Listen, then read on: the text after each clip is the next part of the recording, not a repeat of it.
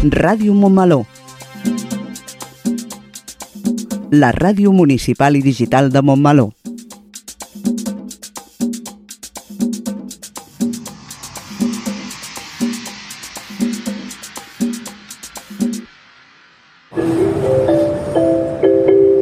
Propera parada, Montmeló.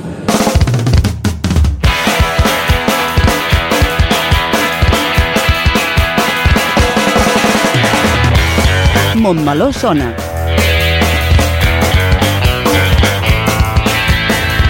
El magazín informatiu de Ràdio Montmeló.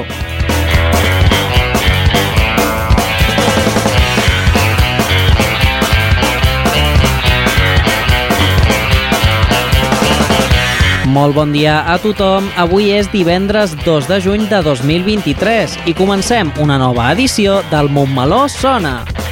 Programa número 71. Comencem el mes de juny, mes d'estiu, de finalitzar el curs, de festa major i també mes de l'orgull LGBT. El mes de l'orgull o Pride Month, en anglès, és un mes temàtic en el qual es para atenció especial a l'emancipació i acceptació de les persones LGBT.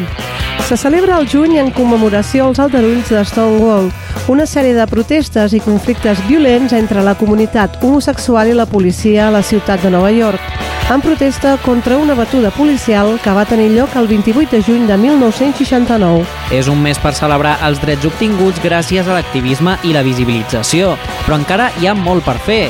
En molts països del món, les relacions entre dues persones del mateix sexe estan prohibides. La setmana passada mateix es va aprovar un projecte de llei a Uganda que estableix la pena de mort per persones gais, lesbianes, bisexuals i trans. Per motius com aquests i molts més que tenim més a prop de casa, necessitem dates com aquestes per visibilitzar, conscienciar, aconseguir drets i lluitar per no perdre els que ja hem aconseguit. Montmeló Sona és el magazín informatiu setmanal de Ràdio Montmeló, coordinat per l'equip de comunicació de l'Ajuntament. Ens acompanya al programa d'avui la Lola Robles, al bloc de l'entrevista. I a la locució del programa tenim a l'Olga Coromines i un servidor, el Rubén Cantón. La Maria Costafreda no hi serà present per problemes de salut, així que no comptarem amb la secció ja habitual Toquem el 2. Des de l'emissora li desitgem una ràpida recuperació i que puguem tornar-la a sentir al Montmeló Sona aviat. I una vegada fetes les presentacions, passem al sumari de continguts que tenim preparats pel programa d'avui.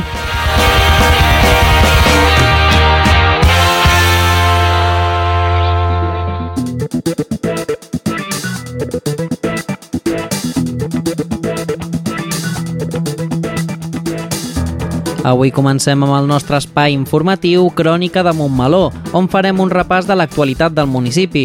Després farem una ullada a l'agenda d'actes que podem trobar els propers dies a Montmeló. Seguirem amb la Lola Robles al bloc de l'entrevista, que parlarà amb l'actriu local Laia López, que actuarà aquest dissabte a la sala polivalent a l'obra de teatre Enmadrados. I com ja sabeu, tot això i alguna cosa més és el que trobarem al Montmeló Sona d'avui, 2 de juny de 2023.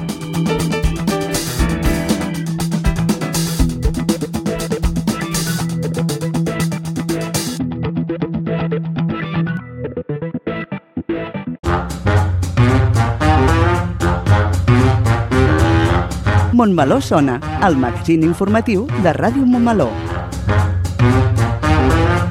Montmeló sona i sona així de bé.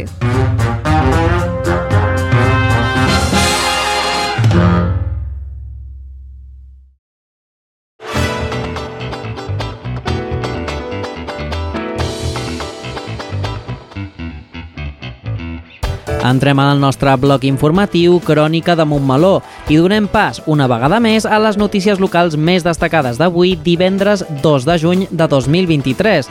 Aquest és el sumari. El PSC guanya les eleccions amb majoria absoluta. Millora de la seguretat del carrer de la Verneda del Congost. La sala polivalent posa en escena el talent de Montmeló. Montmeló ha celebrat el Dia Internacional dels Museus. El Centre de Formació de Persones Adultes estrena web. Del 2 al 4 de juny, Fira de Fórmula 1 a Montmeló. Mesures de trànsit per al Gran Premi de Fórmula 1. I tancarem, com sempre, el bloc informatiu amb el repàs de les activitats culturals del municipi pels propers 7 dies.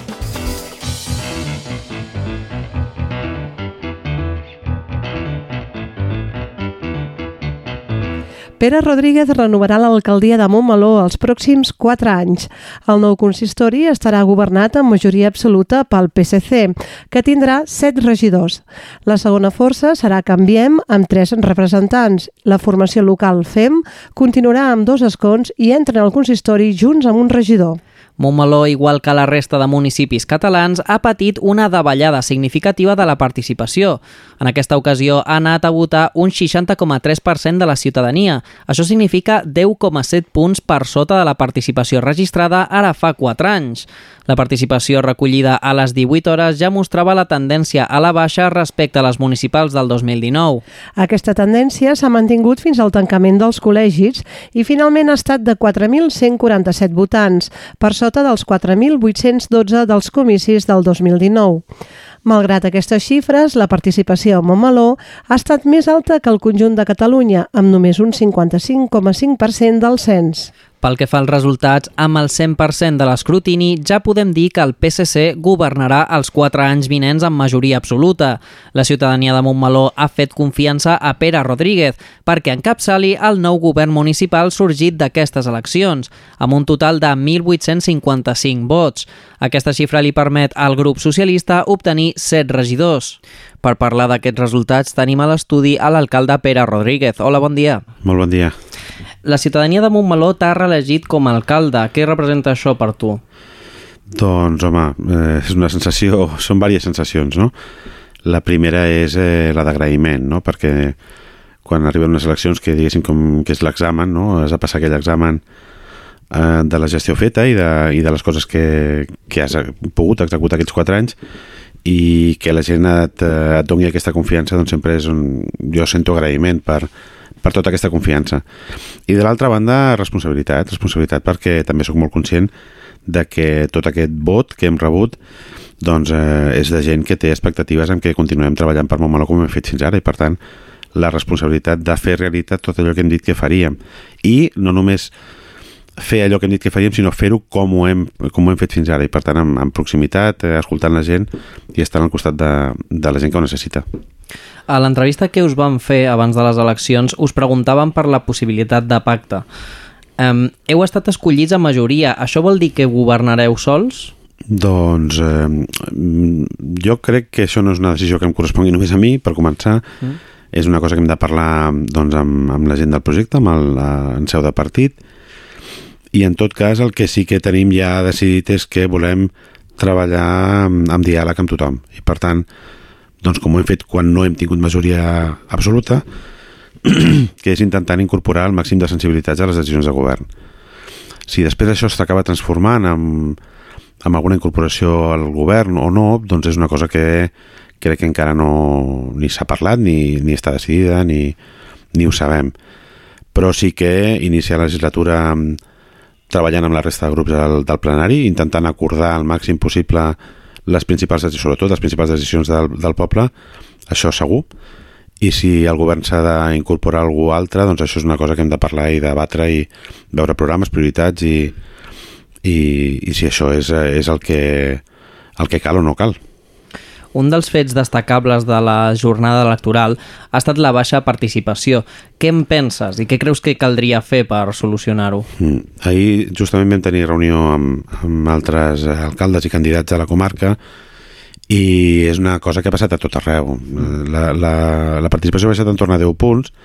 A l'any 2019 a Montmeló vam tenir un 71,03 crec de participació, que va ser una participació històrica, màxima, i aquesta vegada ens hem quedat al 60 i escaig, 60 i molt poquet. I tot i així, la de Montmeló ha estat alta comparat amb la resta de, de poblacions que hem pogut veure, perquè Mollet, per exemple, és un 50 i escaig, Granollers també, per tant, ha baixat a tot arreu i a Montmeló continua sent més alta que la resta dels municipis de l'entorn. Mm, jo crec que, que no, no, no sé respondre exactament, encara no, de les raons d'aquesta baixada de participació. Jo crec que hi ha hagut una certa desmobilització de determinats sectors que en altres eleccions estaven més mobilitzats i en tot cas celebrar que Montmeló ha estat més alta que municipis del nostre entorn. Doncs moltes gràcies, Pere. Gràcies a vosaltres. El principal partit de l'oposició continuarà sent Canviem, que ha baixat de 4 a 3 regidors, amb un total de 944 vots, perdent 462 vots respecte a les eleccions municipals anteriors.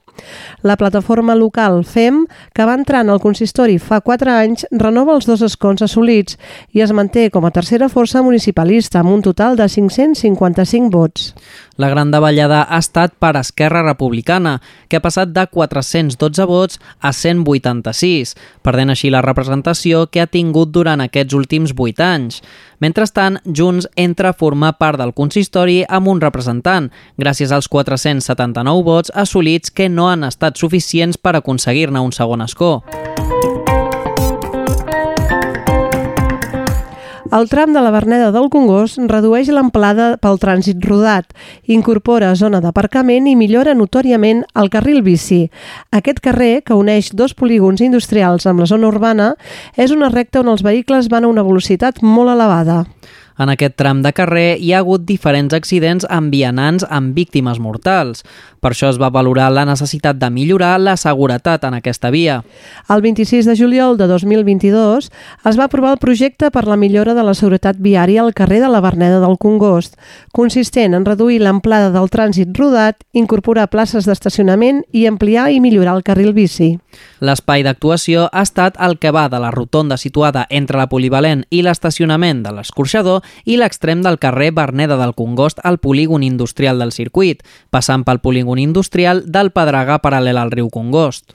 El projecte té com a objectius incentivar l'ús del vehicle privat per accedir des de l'estació de DIF als polígons industrials del Reguer i del circuit i al mateix temps incentivar la mobilitat sostenible creant un nou carril bici.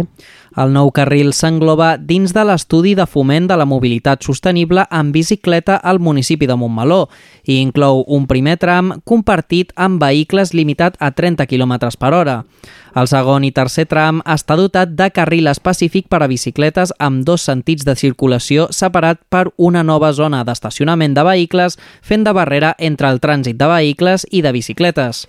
El 29 de novembre de 2022 es va aprovar l'expedient de contractació i el 24 de gener de 2023 es va acordar l'adjudicació del contracte a l'empresa Rogassa per un import total de 189.422 amb 16 euros i amb un contracte de 4 mesos. La previsió de finalització d'obres s'ha allargat per les pluges. Actualment està prevista per la primera quinzena de juny. Els dos darrers espectacles de la temporada, dies 3 i 10 de juny, duen el segell de dues montmelonines. Després d'omplir la sala amb el monòleg del José Corbacho Ante todo mucha calma i de gaudir de la tendresa de Pòsit, dirigit per Martí Torres, la sala polivalent arriba a la seva recta final de la temporada amb dos espectacles que compten amb talent montmeloní. El primer és Enmadrados, l'espectacle de Joaquim Bundó, que compta en el repertori amb la jove actriu de Montmeló, Laia López, amb qui conversarem a l'espai de l'entrevista del final del programa una comèdia amb la qual no podràs parar de riure, que fa més d'un any que està en cartell a Catalunya i també triomfa a Buenos Aires. Aquest ens portarà un recorregut per la ciutat de Barcelona per visitar les cases de tres famílies molt diferents, amb alguna cosa en comú. Les mares els fan la vida impossible. No t'ho perdis el dia 3 de juny a les 19.30 hores. Per acabar el 10 de juny, la sala tanca la temporada amb l'espectacle La Terra Enterrada, dirigit i escrit per Montserrat Butjosa, que amb la seva companyia de teatre emergent La Bassals ha creat un espectacle en homenatge a les generacions de dones, mares, àvies, besàvies que ens han precedit. Dones que al llarg del segle XX van haver de desaprendre el que havien après perquè el món que les envoltava va canviar. Testimoni de primera línia de l'èxode rural, de l'urbanisme desmesurat i protagonistes d'una llarga lluita per reafirmar-se com a dones. Una obra que, a més, parla del territori de Montmeló, dels seus entorns i de la seva història. La programació d'activitats organitzades pel museu entre el 18 i el 21 de maig ha estat vinculada al patrimoni, l'art, el benestar i la sostenibilitat. A més, divendres 26 es va presentar una exposició sobre la dona i la indústria musical que va comptar amb l'actuació del grup Roba Estesa. La primera activitat consistia en un taller de reminiscència per a la gent gran, que es va realitzar el dia 18 de maig. Amb aquest taller es va fer un viatge en el temps per recuperar antics records amb l'art com a camí vehicular. El mateix dia, a la tarda, les sales del museu van romandre totalment tancades, convertint l'edifici en un escape room, on només els més destres van poder escapar dels plàstics. Aquest escape room va ser una activitat pensada per conscienciar a la gent de la importància que té arribar a una societat sense residus. Les activitats continuaran el divendres dia 19 de maig amb un taller d'art teràpia i mindfulness conduït per la psicòloga Natàlia Pomar. Un cop més, les participants van iniciar un periple amb l'objectiu d'assolir un equilibri emocional, mental i social. Al vespre del 20 de maig va començar l'esperada Nit dels Museus, en aquesta ocasió amb una alta participació de les famílies de Montmeló, que van omplir la sala del museu. L'activitat programada sota el nom de l'Art de la Llum va mostrar a infants i adults com experimentar amb la llum i la foscor per crear les seves pròpies narratives artístiques. Les activitats van concloure el matí del 21 de maig, amb l'obertura simultània del jaciment romà Mons Observants i l'exposició de pintures romanes de primer estil pompeià que hi ha al museu. L'organització qualifica les jornades dedicades a l'art, al patrimoni, al benestar i la sostenibilitat d'èxit, ja que totes les activitats es van realitzar amb l'aforament complet. A banda, des del dia 26 de maig ja es pot visitar l'exposició Pugem als escenaris. Es tracta d'una exposició multimèdia que reflexiona sobre la falta de visibilitat de les dones a la indústria musical catalana actual. L'acte de presentació va comptar amb les creadores de l'exposició i la presència del grup Roba Estesa, que van fer un acústic de quatre temes. L'exposició romandrà oberta al públic fins al 23 de juny. L'equip docent del Centre de Formació de Persones Adultes està implementant l'estratègia digital del centre EDC i estrena nova web com a un dels objectius del pla. L'estratègia digital de centre defineix i concreta les línies d'actuació que fan possible que docents i alumnes assoleixin la competència digital. Per tal d'aconseguir-la, l'estratègia comprèn tots els hàbits del centre, organitzatius, metodològics, curriculars i comunicatius, els quals s'han de veure necessàriament implicats i transformats des d'una perspectiva d'innovació i de millora contínua. Amb la creació de la pàgina web, l'equip pretén donar a conèixer el centre, la seva ubicació i contacte, els ensenyaments i activitats que s'hi realitzen i ser un espai d'accés per als docents i l'alumnat on compartir matèries, treballs i dubtes públiques. En definitiva, ser un servei més proper, visible i accessible per a la ciutadania. La web també servirà per informar d'informacions i dades rellevants del centre, com els períodes de preinscripció i matrícula. En aquest sentit, a la web ja es pot trobar l'oferta formativa del proper curs 2023-2024. Les preinscripcions són del 20 al 28 de juny i es divideix en tres categories. Preparació a proves d'accés, graduats en ESO, grau mig i superior, alfabetització i llengües, castellà, anglès i francès en diferents nivells i informàtica. En aquesta última cal destacar que a banda de mantenir l'oferta de Word, Excel i informàtica bàsica, també s'incorpora formació en ACTIC, acreditació en tecnologies de la informació i comunicació. Podeu informar-vos de manera presencial a les oficines del Centre de Formació de Persones Adultes, a les instal·lacions de la G2M al carrer 9, número 34. Us hi esperem! Durant el cap de setmana del Gran Premi, el centre de Montmeló es convertirà en una fira amb parades de comerç local i un espai d'activitats i esdeveniments diversos mirant d'aprofitar millor l'impacte dels grans premis del municipi i en atenció també a les demandes del comerç, enguany s'ha previst una nova distribució dels espais a la via pública amb motiu del Gran Premi de Fórmula 1, el primer cap de setmana de juny.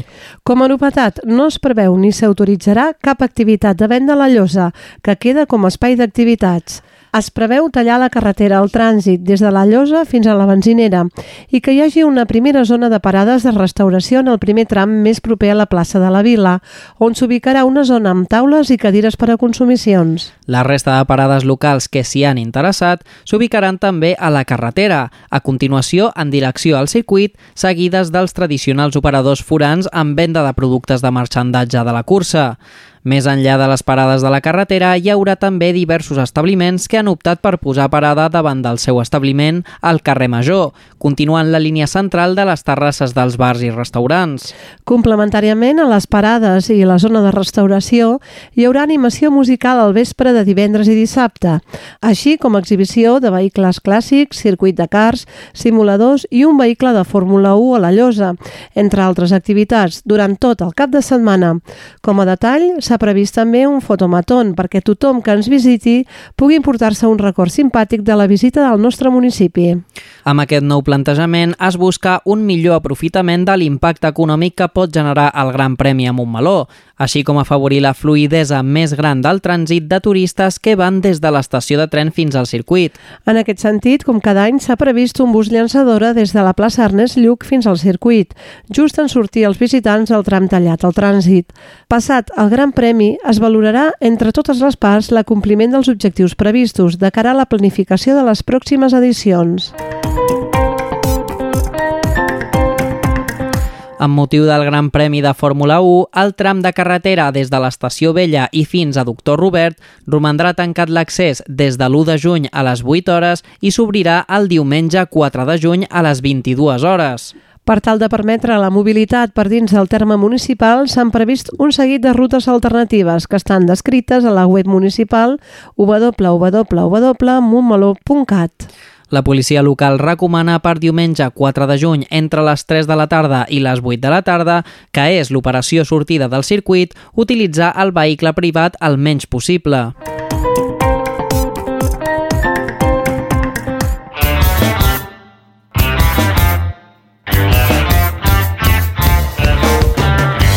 Iniciem el bloc de l'agenda d'activitats culturals des d'avui dia 2 fins al diumenge dia 11 de juny. L'agenda per aquests dies ve marcada pel Gran Premi de Fórmula 1 i els espectacles teatrals i de fi de curs a la Polivalent. Comencem! Des d'avui mateix, a partir de les 3 de la tarda, tothom que vulgui podrà viure l'experiència de la Fórmula 1 al centre de Montmeló, perquè l'Ajuntament ha habilitat una Fan Zone, per tal que els aficionats a la Fórmula 1 es diverteixin i s'entretinguin, sense sortir del poble. Aquesta fan zona s'ubicarà des de l'estació de DIF fins a la benzinera, sense oblidar la zona de carpes i bars de la plaça de la Vila. Al llarg d'aquest recorregut tancat es podrà trobar parades de marxandatge, zones de restaurant, espais amb jocs relacionats amb l'automobilisme, exposició de cotxes i prototips de curses, música en directe i moltes coses més. Recordeu, divendres, dissabte i diumenge podeu passejar i entretenir-vos a la Fan Zone de Montmeló, a partir de les 3 de la tarda i fins les 10 de la nit, exceptuant diumenge que tancarà a les 7 de la tarda. Passem a les activitats de les entitats locals perquè avui mateix ja tenim el primer dels molts espectacles de fi de curs que tindran lloc durant els propers 15 dies. En aquest cas, a dos quarts de sis de la tarda, a la sala de la Concòrdia, tindrà lloc la representació dels contes de Disney i Alicia en el País de les Meravilles i La Bella i la Bèstia 2. Aquest és el final de curs dels grups infantils de teatre musical Forden Center. L'entrada és gratuïta i l'aforament limitat. Una mica més tard, a les 6 de la tarda, la biblioteca ha programat una nova sessió de tallers de la sèrie Bibliolab. En aquesta ocasió, la canalla es convertirà per una estona en mags i faran una poció màgica. És un taller per a infants entre 5 i 8 anys i s'ha de realitzar inscripció prèvia a la mateixa biblioteca. El dissabte, dia 3 de juny, a la tarda, concretament a dos quarts de vuit, la sala polivalent obrirà el taló amb l'obra teatral Emmadrados, de Joaquim Bundó. Es tracta d'una comèdia amb tres històries i una cosa en comú. Les mares els fan la vida impossible a tots tres protagonistes. Aquesta obra, a més, compta amb la presència de l'actriu local Laia López. Recordeu que encara sou a temps de treure entrades per veure Emmadrados a través de la plataforma d'antrapolis.com.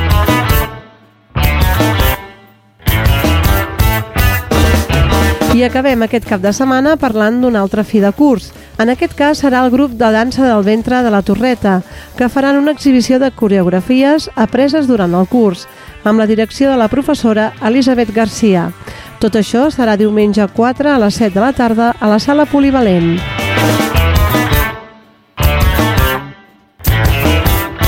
Passem al cap de setmana vinent amb un altre espectacle de final de curs. Divendres 9 de juny a les 5 de la tarda, els més petits de l'Escola Municipal de Música, l'alumnat de sensibilització, seran els protagonistes de la cantata Canta Contes. Tenim molt clar que, com ja és costum, la sala de la Concòrdia quedarà petita per veure i viure aquest petit gran espectacle musical. I el dissabte 10 de juny es tancarà la temporada estable de la sala polivalent amb l'espectacle La Terra Enterrada. Es tracta d'una peça teatral escrita i dirigida per la momalonina Montse Butjosa. Terra enterrada narra la vida d'una dona gran que retorna a la seva casa de pagès on va néixer. Parla més de l'èxode rural i de l'urbanisme agressiu i, sobretot, parla del paper de la dona en tot aquest món. Qui vulgui assistir-hi encara pot adquirir entrades a entrapolis.com. Terra Enterrada serà dissabte 10 de juny a dos quarts de vuit a la sala polivalent de Montmeló. I així arribem al diumenge, dia 11, amb la darrera activitat de la nostra agenda cultural d'avui que, com no podia ser d'una altra manera, torna a tractar-se d'un nou festival de fi de curs. En aquesta ocasió serà l'entitat Divertiment, qui farà una mostra de ball i teatre i comptarà amb la participació d'Antonio Fuensanta i de la professora de dansa del ventre de la Torreta. Tot això tindrà lloc el dia 11 de juny, a partir de les 6 de la tarda, també a la sala polivalent de la Torreta. I ara sí, ha arribat el moment de convidar aquest bloc informatiu local. Tot això i algunes coses més les podreu trobar al web momaló.cat i a les xarxes socials de l'Ajuntament.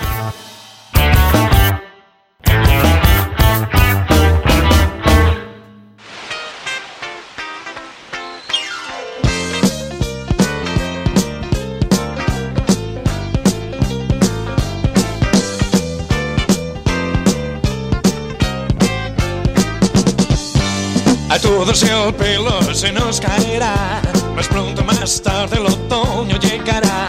Algunos en la cuna lo pierden ya. Otros a la tumba esperan llegar. Ponte peluca, eh, ponte la peluca ya. Si pierdes tu pelo es muy normal. Los árboles pierden sus hojas también. Tú no te preocupes por tan estupidez, pero si de ello te quieres curar, ponte peluca, eh, ponte la peluca ya. Cuando por la radio vayas a hablar, no te preocupes, nena, no lo notarán. Salta a las ondas, muy joven mi edad. Tu calvicie no la verás. Ponte peluca, eh, ponte la peluca ya.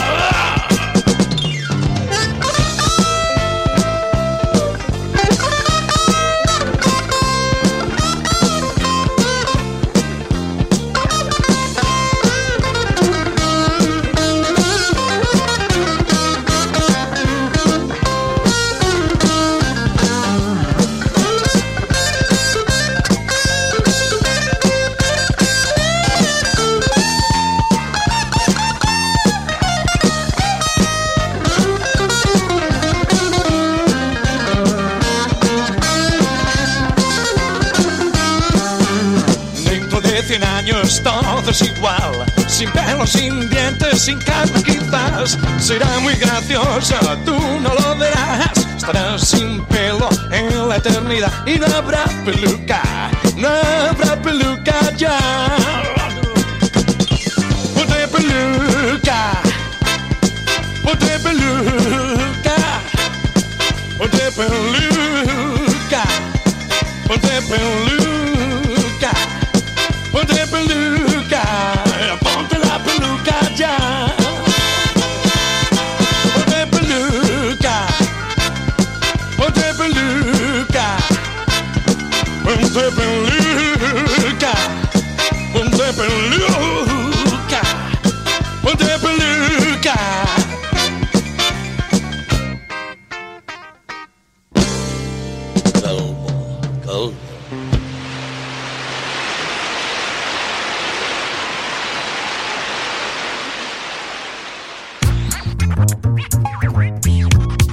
Descobreix el patrimoni del nostre municipi amb el Pol Castejón i la Maria Antònia Carrasco.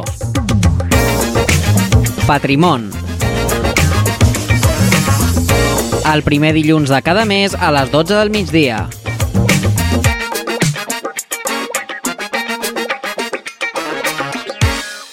Celebrem amb orgull. Jo celebro que sóc la Marta. I jo l'Àlex. I jo l'Emi. Jo celebro que sóc el Quim. Celebrem que som com som. La Diputació de Barcelona treballa al costat dels ajuntaments per erradicar l'LGTBI-fòbia i construir pobles i ciutats orgullosos de la seva diversitat sexual i de gènere. Diputació de Barcelona.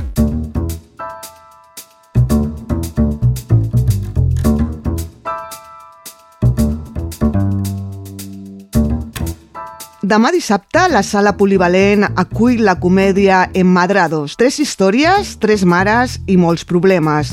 Un recorregut per la ciutat de Barcelona per visitar les cases de tres famílies molt diferents, però amb una cosa en comú. Les mares els fan la vida impossible. Una obra on riure està garantit des del primer moment. Amb direcció de Dani Rebollo, l'obra compta en el seu repartiment amb la jove actriu montmelonina Laia López, qui des del 2018 es dedica professionalment al món de la interpretació. A ella, a la Laia López, la tenim al Montmeló Sona d'avui. Bon dia, Laia. Bon dia. Com dèiem al principi, aquest dissabte s'estrena l'obra Emmadrados a la sala polivalent. Per què diries tu que s'ha d'anar a veure aquesta obra? Bueno, bé, jo eh, crec que és una obra realment... Bueno, és una comèdia i crec que sobretot eh, pensa... Es, bueno, està enfocat fa una crítica eh, social i parla de diferents coses a nivell de, sobretot, relació fills i mare, però bueno, al final crec que dona un missatge bastant maco de, de cuidar aquesta relació i de, bueno, una mica per molt que facin és, és eh, exagerat, és eh, bizarro per així dir-ho, però té una mica aquest missatge de, de, de cuidar aquesta relació, no? I, bueno, crec que tot i així és, és una comèdia per passar-ho bé, amb, amb, amb aquesta reflexió final, no? Jo crec que és una, una bona manera de passar un dissabte a la tarda. I quin és el teu paper? Doncs jo en faig dos personatges. En faig la nòvia, la parella d'un dels fills, i, i, són tres escenes, amb tres mares diferents, molt diferents entre elles, que són interpretades pel meu company Daniel, Re, eh, Daniel Bayona, que les tres mares les fa el mateix actor, i eh, són dif molt diferents entre elles. Aleshores, cada casa, cada situació és, és això, perdona, és una situació diferent. I jo faig la nòvia del fill de la segona mare i a la segona escena i a la tercera escena faig la filla de la mare, que és una altra mare diferent. I, bueno, bàsicament la segona escena és eh, que la, a, a, el fill de la mare es presenta a casa per presentar-li a la nòvia, que en aquest cas sóc jo, i la mare, bueno, doncs és igual com sigui les nòvies que li ha portat, que no vol saber cap de, res de no cap. li agraden. De, no li agraden cap. I, I, bueno, és una mica com com segueix. És que no vull fer spoiler perquè hi ha com una cosa molt clau i no, no vull continuar, que, que se me va la llengua. I després a la tercera, doncs sí que és la relació directa, és només la mare i jo, que sóc la filla, i és una altra escena totalment diferent, inclús està com dividit eh, per diferent classe social, diferent eh, lloc de naixement, diferent, hi ha com molta diferència entre les tres famílies. Entrem a parlar més de la teva experiència en el món del teatre. Quan et vas sentir atreta per la interpretació i què et va treure d'aquesta forma d'art? Bé, jo des de petita crec que he estat relacionada amb, amb l'art d'una manera bastant directa. Eh, el que més he fet ha sigut la dansa, des de, bueno, des de que anava a P3, no tenia ni, ni els 3 anys, però bueno, a punt de fer-los, ja vaig començar a ballar i fins a dia d'avui doncs no, no he parat. Eh, I d'una manera o una altra sempre he estat lligada a això, no? També he estat eh, molts anys a l'escola de música, fent cant coral, fent saxofon també durant molts anys, eh, i a més sempre ballant. He fet teatre també durant molts anys, teatre de text, el típic més infantil, diguéssim, quan era més petita, i després eh, just l'any que es va, es va obrir aquí a Montmeló al Ford Center, era l'any que eh, jo passava, passava de sisè a primer d'ESO. I recordaré sempre que va venir una amiga, estàvem una tarda juntes a, a un banc, les amigues, i va venir chicas, mirad lo que he encontrado, abren una nova escuela, amb uns papers, amb uns flyers, perquè, clar, eh, nosaltres estàvem com molt tristes de dir, jope, és que nosaltres volem continuar ballant perquè fèiem ball a, a primària. I vam inclús preguntar a les escoles si tot i que anéssim a l'ESO podíem venir a ballar i ens van dir que no, que era una cosa per, per primària i just va coincidir. Aleshores ja em vaig apuntar aquí i vaig estar doncs, fins al 2017, em penso, si no, si no he calculat malament, fent eh, dansa i fent teatre musical. Al principi vaig eh, començar només a fer eh, cuerpo de baile, que dèiem, que és només ballava les cançons, i després ja em vaig animar una mica a començar a interpretar els papers i, i tal. I bueno, sempre ho dic, crec que eh, la Olga i el Gerard, que són els directors del Ford Dance Center, crec, i, i potser si escolten això s'enteren ara en directe, que, que jo sempre que parlo de la meva història i els meus inicis, eh, sempre dic que, que, que gràcies a ells que em van donar el gran empujón, no? sobretot la Olga, que després d'un dels eh, musicals que fèiem es va apropar a mi i em va dir, escolta, jo penso que, que t'he vist alguna que crec que si tu volguessis dedicar-te a això professionalment, doncs crec que podries intentar-ho. I el que dic sempre, ja se me metió ahí la mosca detrás de la oreja i ja vaig anar una mica eh, en buscar tot això, a formar-me professionalment. I sempre ho dic que estic super agraïda i, i bueno, va ser com l'empujón que necessitava per veure això, perquè tot i que sempre he estat connectada amb això, per veure de manera professional, per, per fer d'aquest art i de, el que m'agrada una professió, la meva professió. I des de llavors, des d'aquest, diguéssim, primer empujón fins ara, quina ha estat la teva trajectòria professional?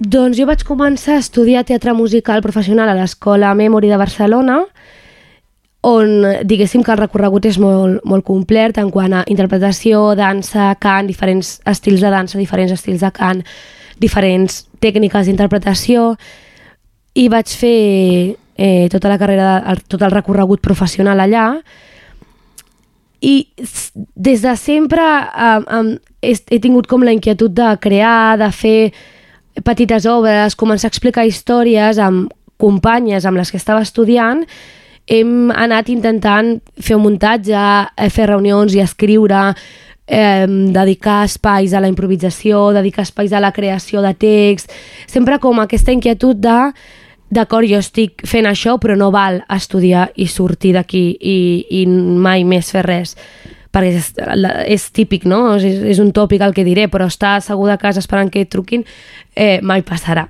Aleshores sempre he tingut com aquesta cosa. I sí que quan vaig acabar això vaig dir, d'acord, jo necessito seguir formant-me perquè això és com una base molt bona, però és una base, no ens, no ens en oblidem, que és com a l'inici per començar realment a polir i a, i a formar-me de veritat.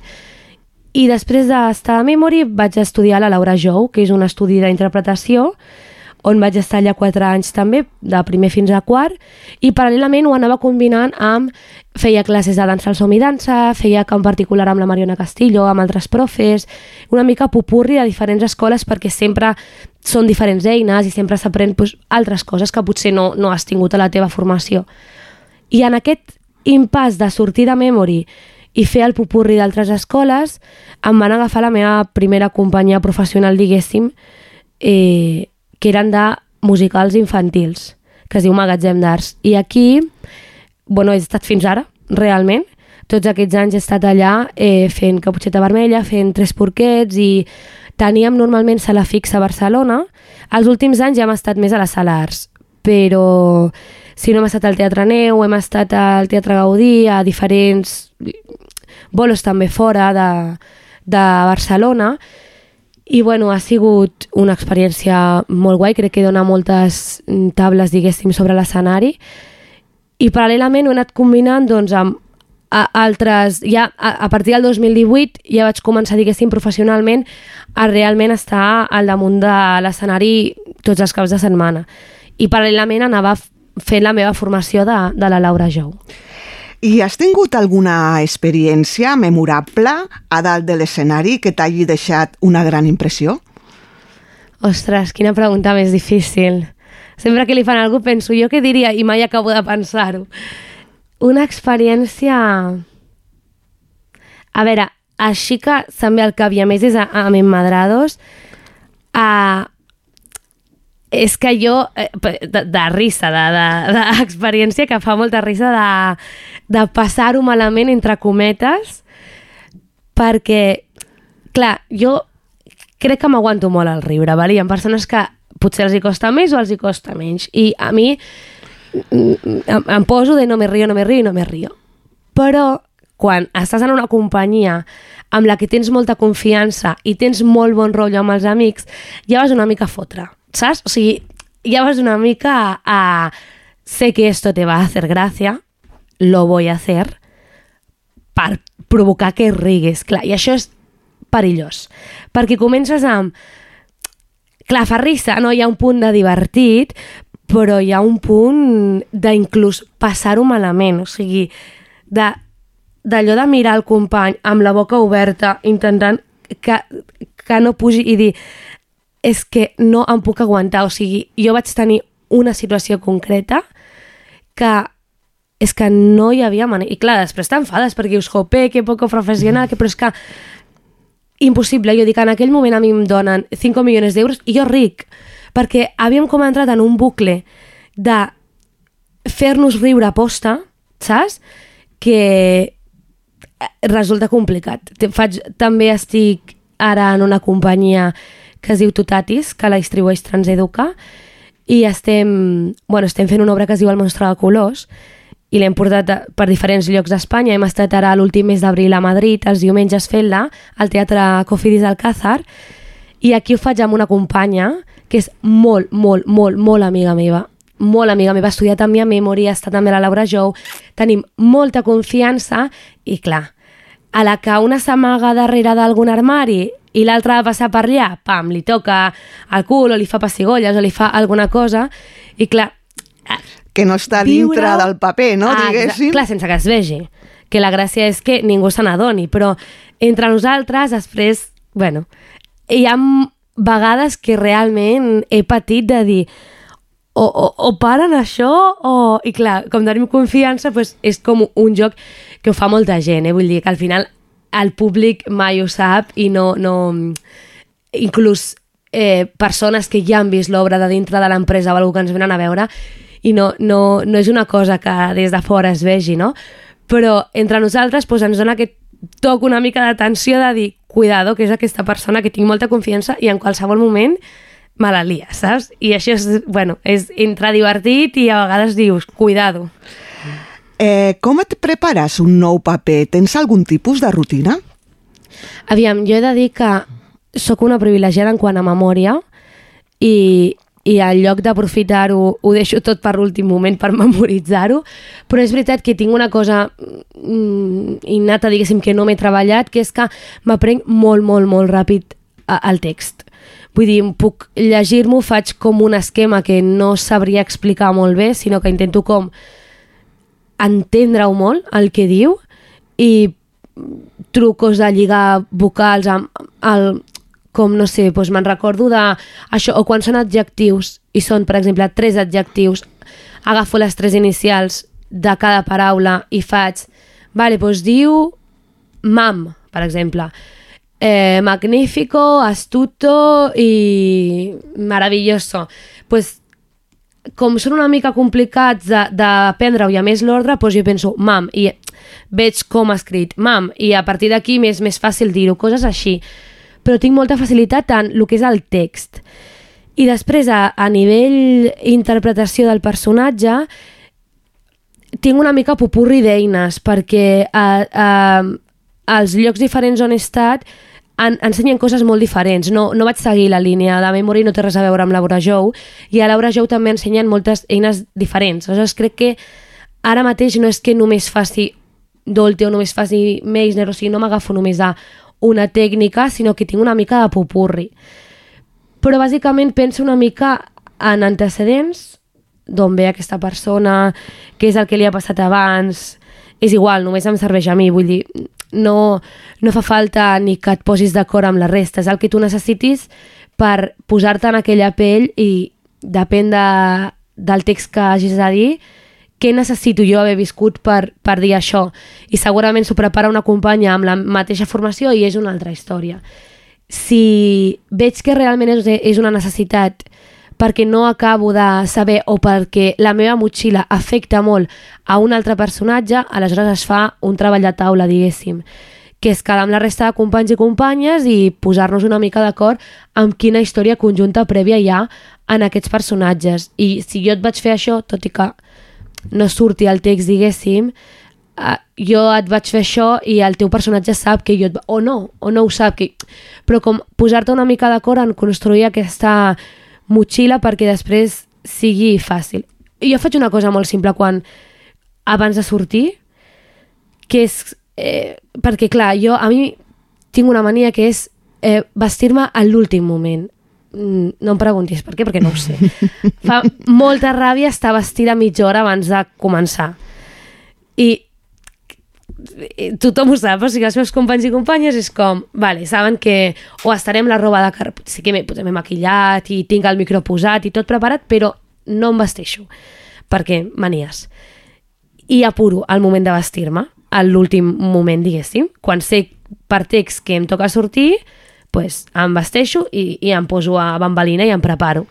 Què passa? Que com vinc una mica com de fer coses, no vinc d'estar concentrar mitja hora. Sí que abans de, abans d'escena doncs ja parlem entre nosaltres i fem el crit de eh, molta merda i, i ens concentrem, però jo tinc aquest moment meu que també em serveix com vestir-me de personatge i és una tonteria, però abans de sortir, pues, si faig de eh, Gemma, com en, en aquesta ocasió d'Emmadrados, pues, abans de sortir, eh, en silenci per mi mateixa, dic soc Gemma, soc Gemma, m'ubic una mica, penso una mica el que pensa la Gemma, pum, i, però 5 segons, eh, abans de sortir a escena, i si tens clar una mica eh, què li passa a la Gemma, d'on ve, com és la seva família, tu has parat com a pensar una mica, doncs m'és més fàcil connectar amb el personatge. Hi ha moltes coses que han canviat no? dintre del món del teatre. Per exemple, això de eh, soc actor, actriu d'una única obra una temporada i després passo a interpretar una altra obra uh -huh. diferent, això ha canviat, no? Ara, per exemple, eh, compagineu diferents projectes, no?, alhora. Exacte. Sí, sí, perquè eh, a no ser que tinguis en un teatre fixat de dijous a diumenge, que serien els dies que normalment hi ha més funcions, potser tens només els diumenges, només els dissabtes, o jo, jo he tingut inclús només els dimecres, Aleshores, clar, ja dona peu a compaginar-t'ho perquè al final, contra més obres fem i, i més actius estiguem i més en, jope, en actiu i, i entrenant-nos, diguéssim, una mica, no? perquè al final és un entreno tot això, doncs, doncs millor. I si tu pots estar fent un infantil a l'hora que fas una comèdia i a l'hora que fas una tragèdia, doncs millor, més, més, bueno, més completa crec que, que podrà ser o, o més pràctica o tal. Aleshores, com normalment jo ara mateix, en, en el punt en el que estic, com molts companys i companyes al meu voltant, no tenim la sort d'estar nou mesos de fent temporades molt llargues amb una cosa molt assegurada, doncs fas una mica el pupurri. Que jo en part ho agraeixo perquè té la part dolenta de que has d'anar com buscant aquest pupurri fins que es construeix, doncs és un procés, i té la part bona de que jo he arribat a estar fent, per exemple, aquests últims mesos cinc obres diferents alhora. I això té la seva part de riquesa de, bueno, doncs avui toca això, allò que jo, jo no m'aburro, per així dir-ho, de fer la mateixa obra, la veritat. Hi ha molta gent de, ostres, quantes vegades l'hauràs fet aquesta obra? Dic, doncs no ho sé, però no, no, mai he pensat, quina mandra, una... no. M'agrada tant, m'ho passo tan bé i, i i és tant un regal per mi que no mai penso, jope, després de 5 anys un altre cop això, no. Però clar, si tens diversitat, doncs sempre és més, més amè. El teatre és una de les arts més humanes i més antigues que ens permet connectar amb nosaltres mateixos i amb els altres d'una manera molt profunda i autèntica. Creus que està prou valorat? doncs, eh, no, la veritat és que hi ha un tema aquí amb, amb el tema de l'art en general, parlant con concretament del teatre, però vull englobar perquè hi ha molt, molts tipus d'art i crec que mm, la majoria no estan prou valorats. I bueno, crec que és una mica un problema amb el teatre sobretot que és el que més conec jo, clar, les altres coses no, no, no vull opinar gaire, però en aquest cas crec que hi ha un problema cultural eh, a, nivell, a nivell de país. No... O sigui, hi ha altres llocs, eh, tu te'n vas a, a Broadway a, i veus com la gent consumeix la cultura i, evidentment, es, o sigui, no entro en les hores invertides ni molt menys, perquè al final jo penso que quan una cosa és millor, per així dir-ho, és perquè hi ha més hores invertides i hi ha més feina feta, per tant és eh, de cajón, per mi és, és aquesta la lògica, no? Però la cultura d'allà és molt diferent, perquè si una persona té 20 euros per fer alguna cosa al cap de setmana, segurament agafarà una entrada d'un musical, d'una obra de text o del que sigui. Si és petita, doncs, potser amb els 20 euros té, i si és més gran, doncs a la última fila del gallinero, de la part més endarrere de tot, també tindrà, i, i va a veure algun tipus d'obra o art o museu o, o el que sigui, no? I la cultura aquí, per desgràcia, doncs, és molt diferent. Si tinc 20 euros per passar el cap de setmana, segurament vagi el divendres a prendre alguna i el dissabte a sopar, per exemple, no? I bueno, és el que diem sempre, que aquí nosaltres hem rebut comentaris a, a Atrapaloda i Madrados de ha estado muy chula la obra, qué pena que sea tan caro y que solo me pueda permitir ir una vez al año. Coses així, no? Per una entrada de 12 euros, una entrada de 10 euros, 8, 14, uns, uns preus que eh, no, anar a sopar fàcilment, qualsevol cosa barata, per així dir-ho, te'ls gastes 10, 12 euros facilíssims, no? Amb, amb dos Coca-Coles ja ho tens gastat.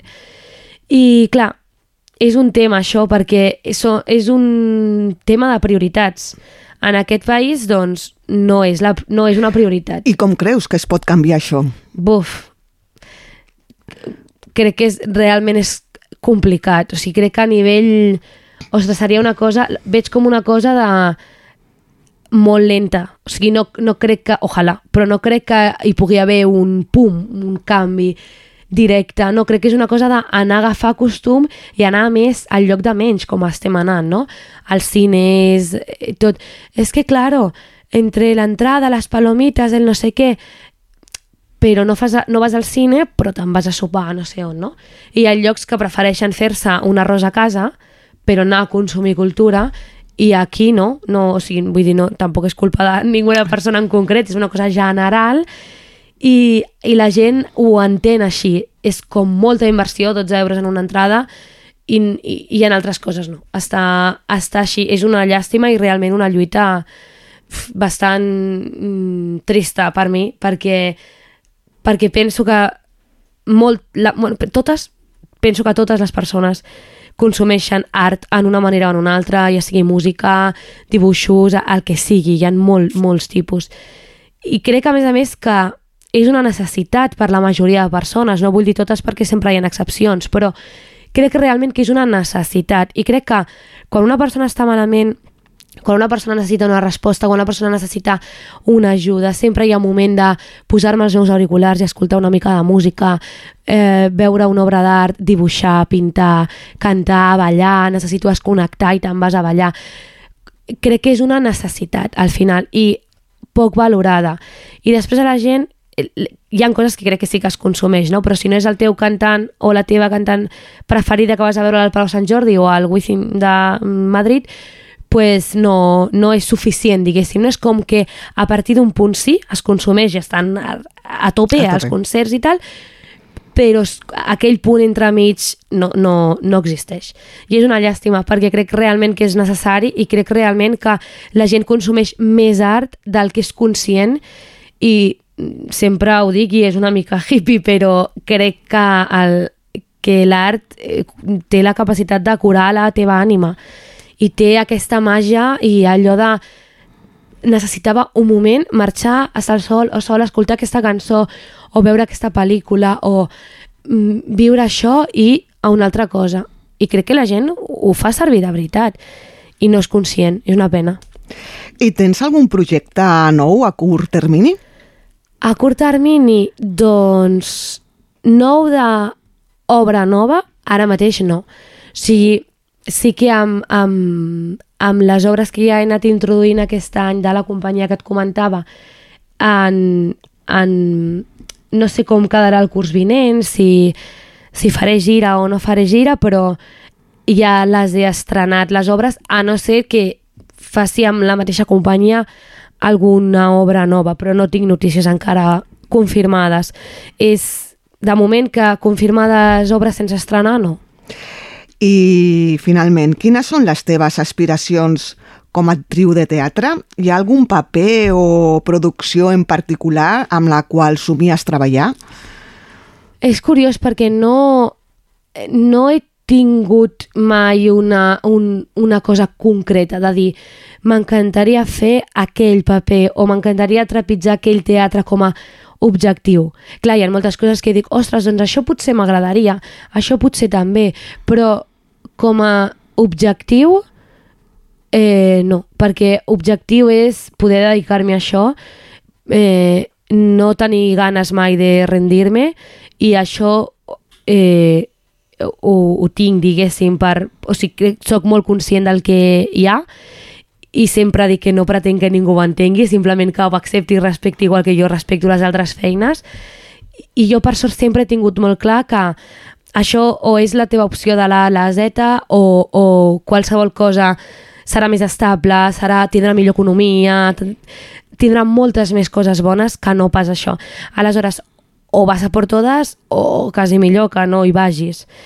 I jo sempre he tingut això molt clar. Aleshores, crec que el meu objectiu és com no rendir-me i com seguir a la lluita i seguir fent, i seguir fent, i seguir fent, però no tinc l'aspiració de m'encantaria fer o el meu objectiu és fer una pel·lícula. No, no, no, no estic buscant fer-la, ni estic buscant fer una sèrie. Evidentment, crec que si m'arribés, doncs, eh, mm, seria més un sí que no, no d'entrada, però no ho tinc com a objectiu, per tant no l'estic buscant, per tant penso que és difícil que arribi, no? perquè les coses no arriben sense un esforç.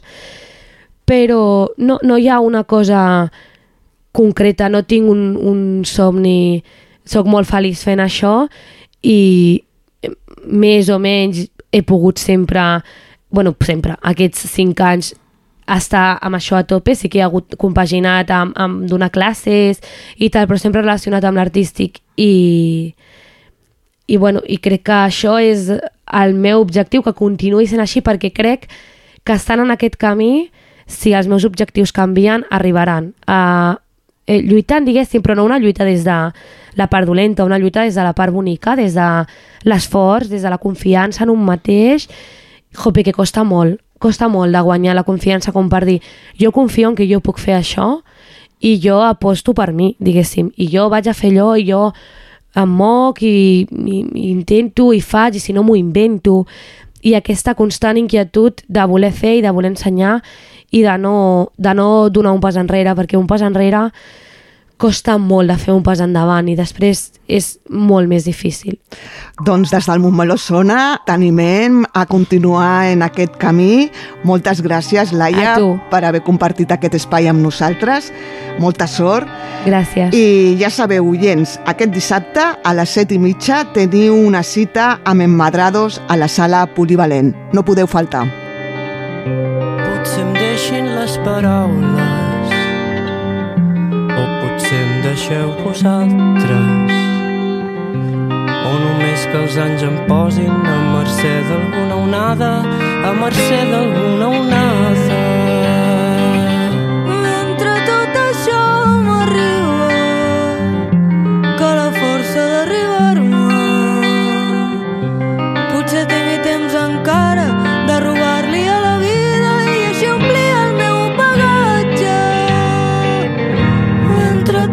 facciamo arriva Via, via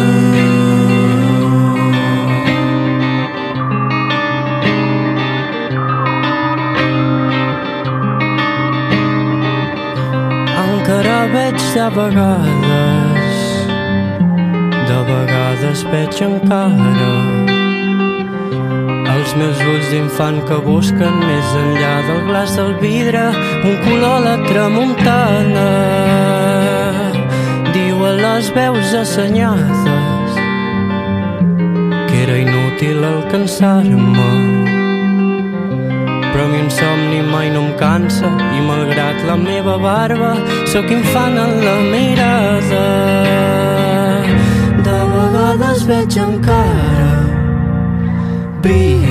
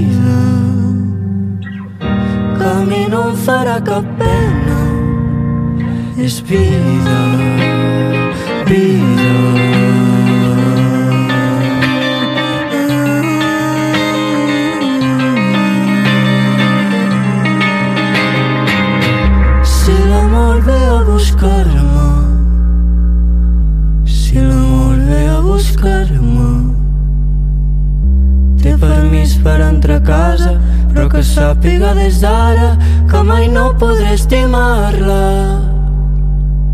I si amb ella he d'anar-me'n? I si amb ella he d'anar-me'n? Tot allò que de mi quedi, siguin cucs o sigui cendra, una corda al meu paisatge. Vull que cantin aquest signe, vida, vida. Vull que cantin aquest signe, és vida, vida.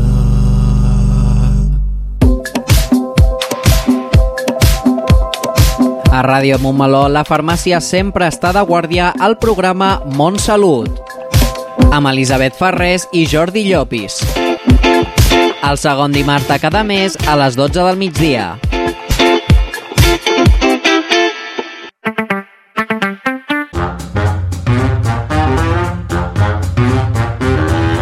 Montmeló sona, el magazín informatiu de Ràdio Montmeló.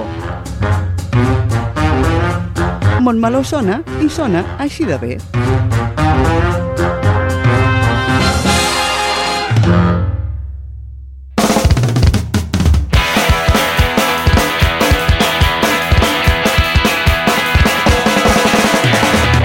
I ja arribem al final del programa, però abans repassem tots els programes que podeu sentir a la nostra emissora durant la setmana. Dilluns 5 a les 12 passaran per l'emissora el Pol Castejón i la Maria Antònia Carrasco amb un nou podcast de Patrimoni, el programa de divulgació sobre el patrimoni cultural del nostre municipi. Dimecres 7 a les 12 hores podem escoltar Micro i Acció, el programa de cinema conduït per l'Aitor Guerra que ens portarà entrevistes molt mediàtiques. Dijous 8 a les 18 hores, des de la web de la ràdio, s'emetrà en directe el programa d'esports Fora de Joc, amb el Marçal Pont i el Pablo Sánchez. Més tard, a les 21 hores, penjarem el programa en format podcast a la nostra web www.radiomontmeló.cat. Divendres 9 a les 12, com cada setmana, al Montmeló Sona us explicarem l'actualitat informativa del municipi. Dissabte, 10 a les 12 hores, els alumnes de les escoles municipals Pau Casals i Sant Jordi han preparat un nou programa dels infants També parlen, amb entrevistes i notícies sobre les escoles. I acabarem diumenge 11 amb una estrena. El programa Medita i Connecta, disponible a les 8 de la tarda, ens farà sentir presents i relaxats amb la veu de la Míriam Garcia. I amb tot això marxem, però com ja és costum us volem recordar que podeu contactar directament amb l'emissora si teniu qualsevol idea, suggeriment o opinió mitjançant el nostre correu radiomo.momalo.cat o a través del telèfon i WhatsApp 637 150 702. Molt bon cap de setmana a tothom, ànims amb els exàmens finals i que sigui lleu el que queda de curs. Nosaltres seguirem aquí la setmana que ve perquè Montmeló tornarà a sonar divendres 9 de juny de 2023 a les 12 del migdia.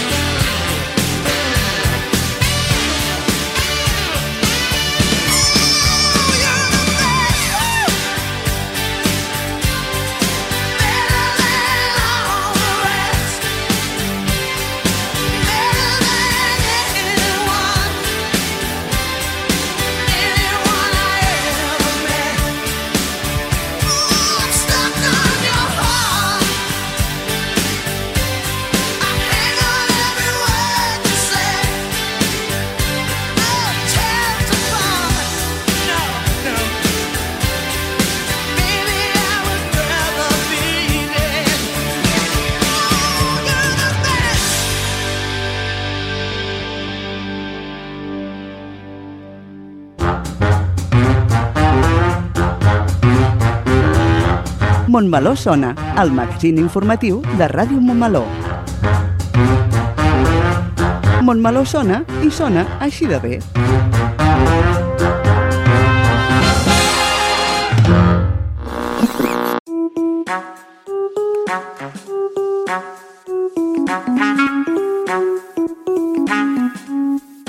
Ràdio Montmeló. Ràdio Montmeló. Sintonitza'ns al web radiomontmeló.cat i a través de les xarxes d'Instagram, Facebook i Twitter. Ràdio Montmeló, la ràdio municipal i digital de Montmeló.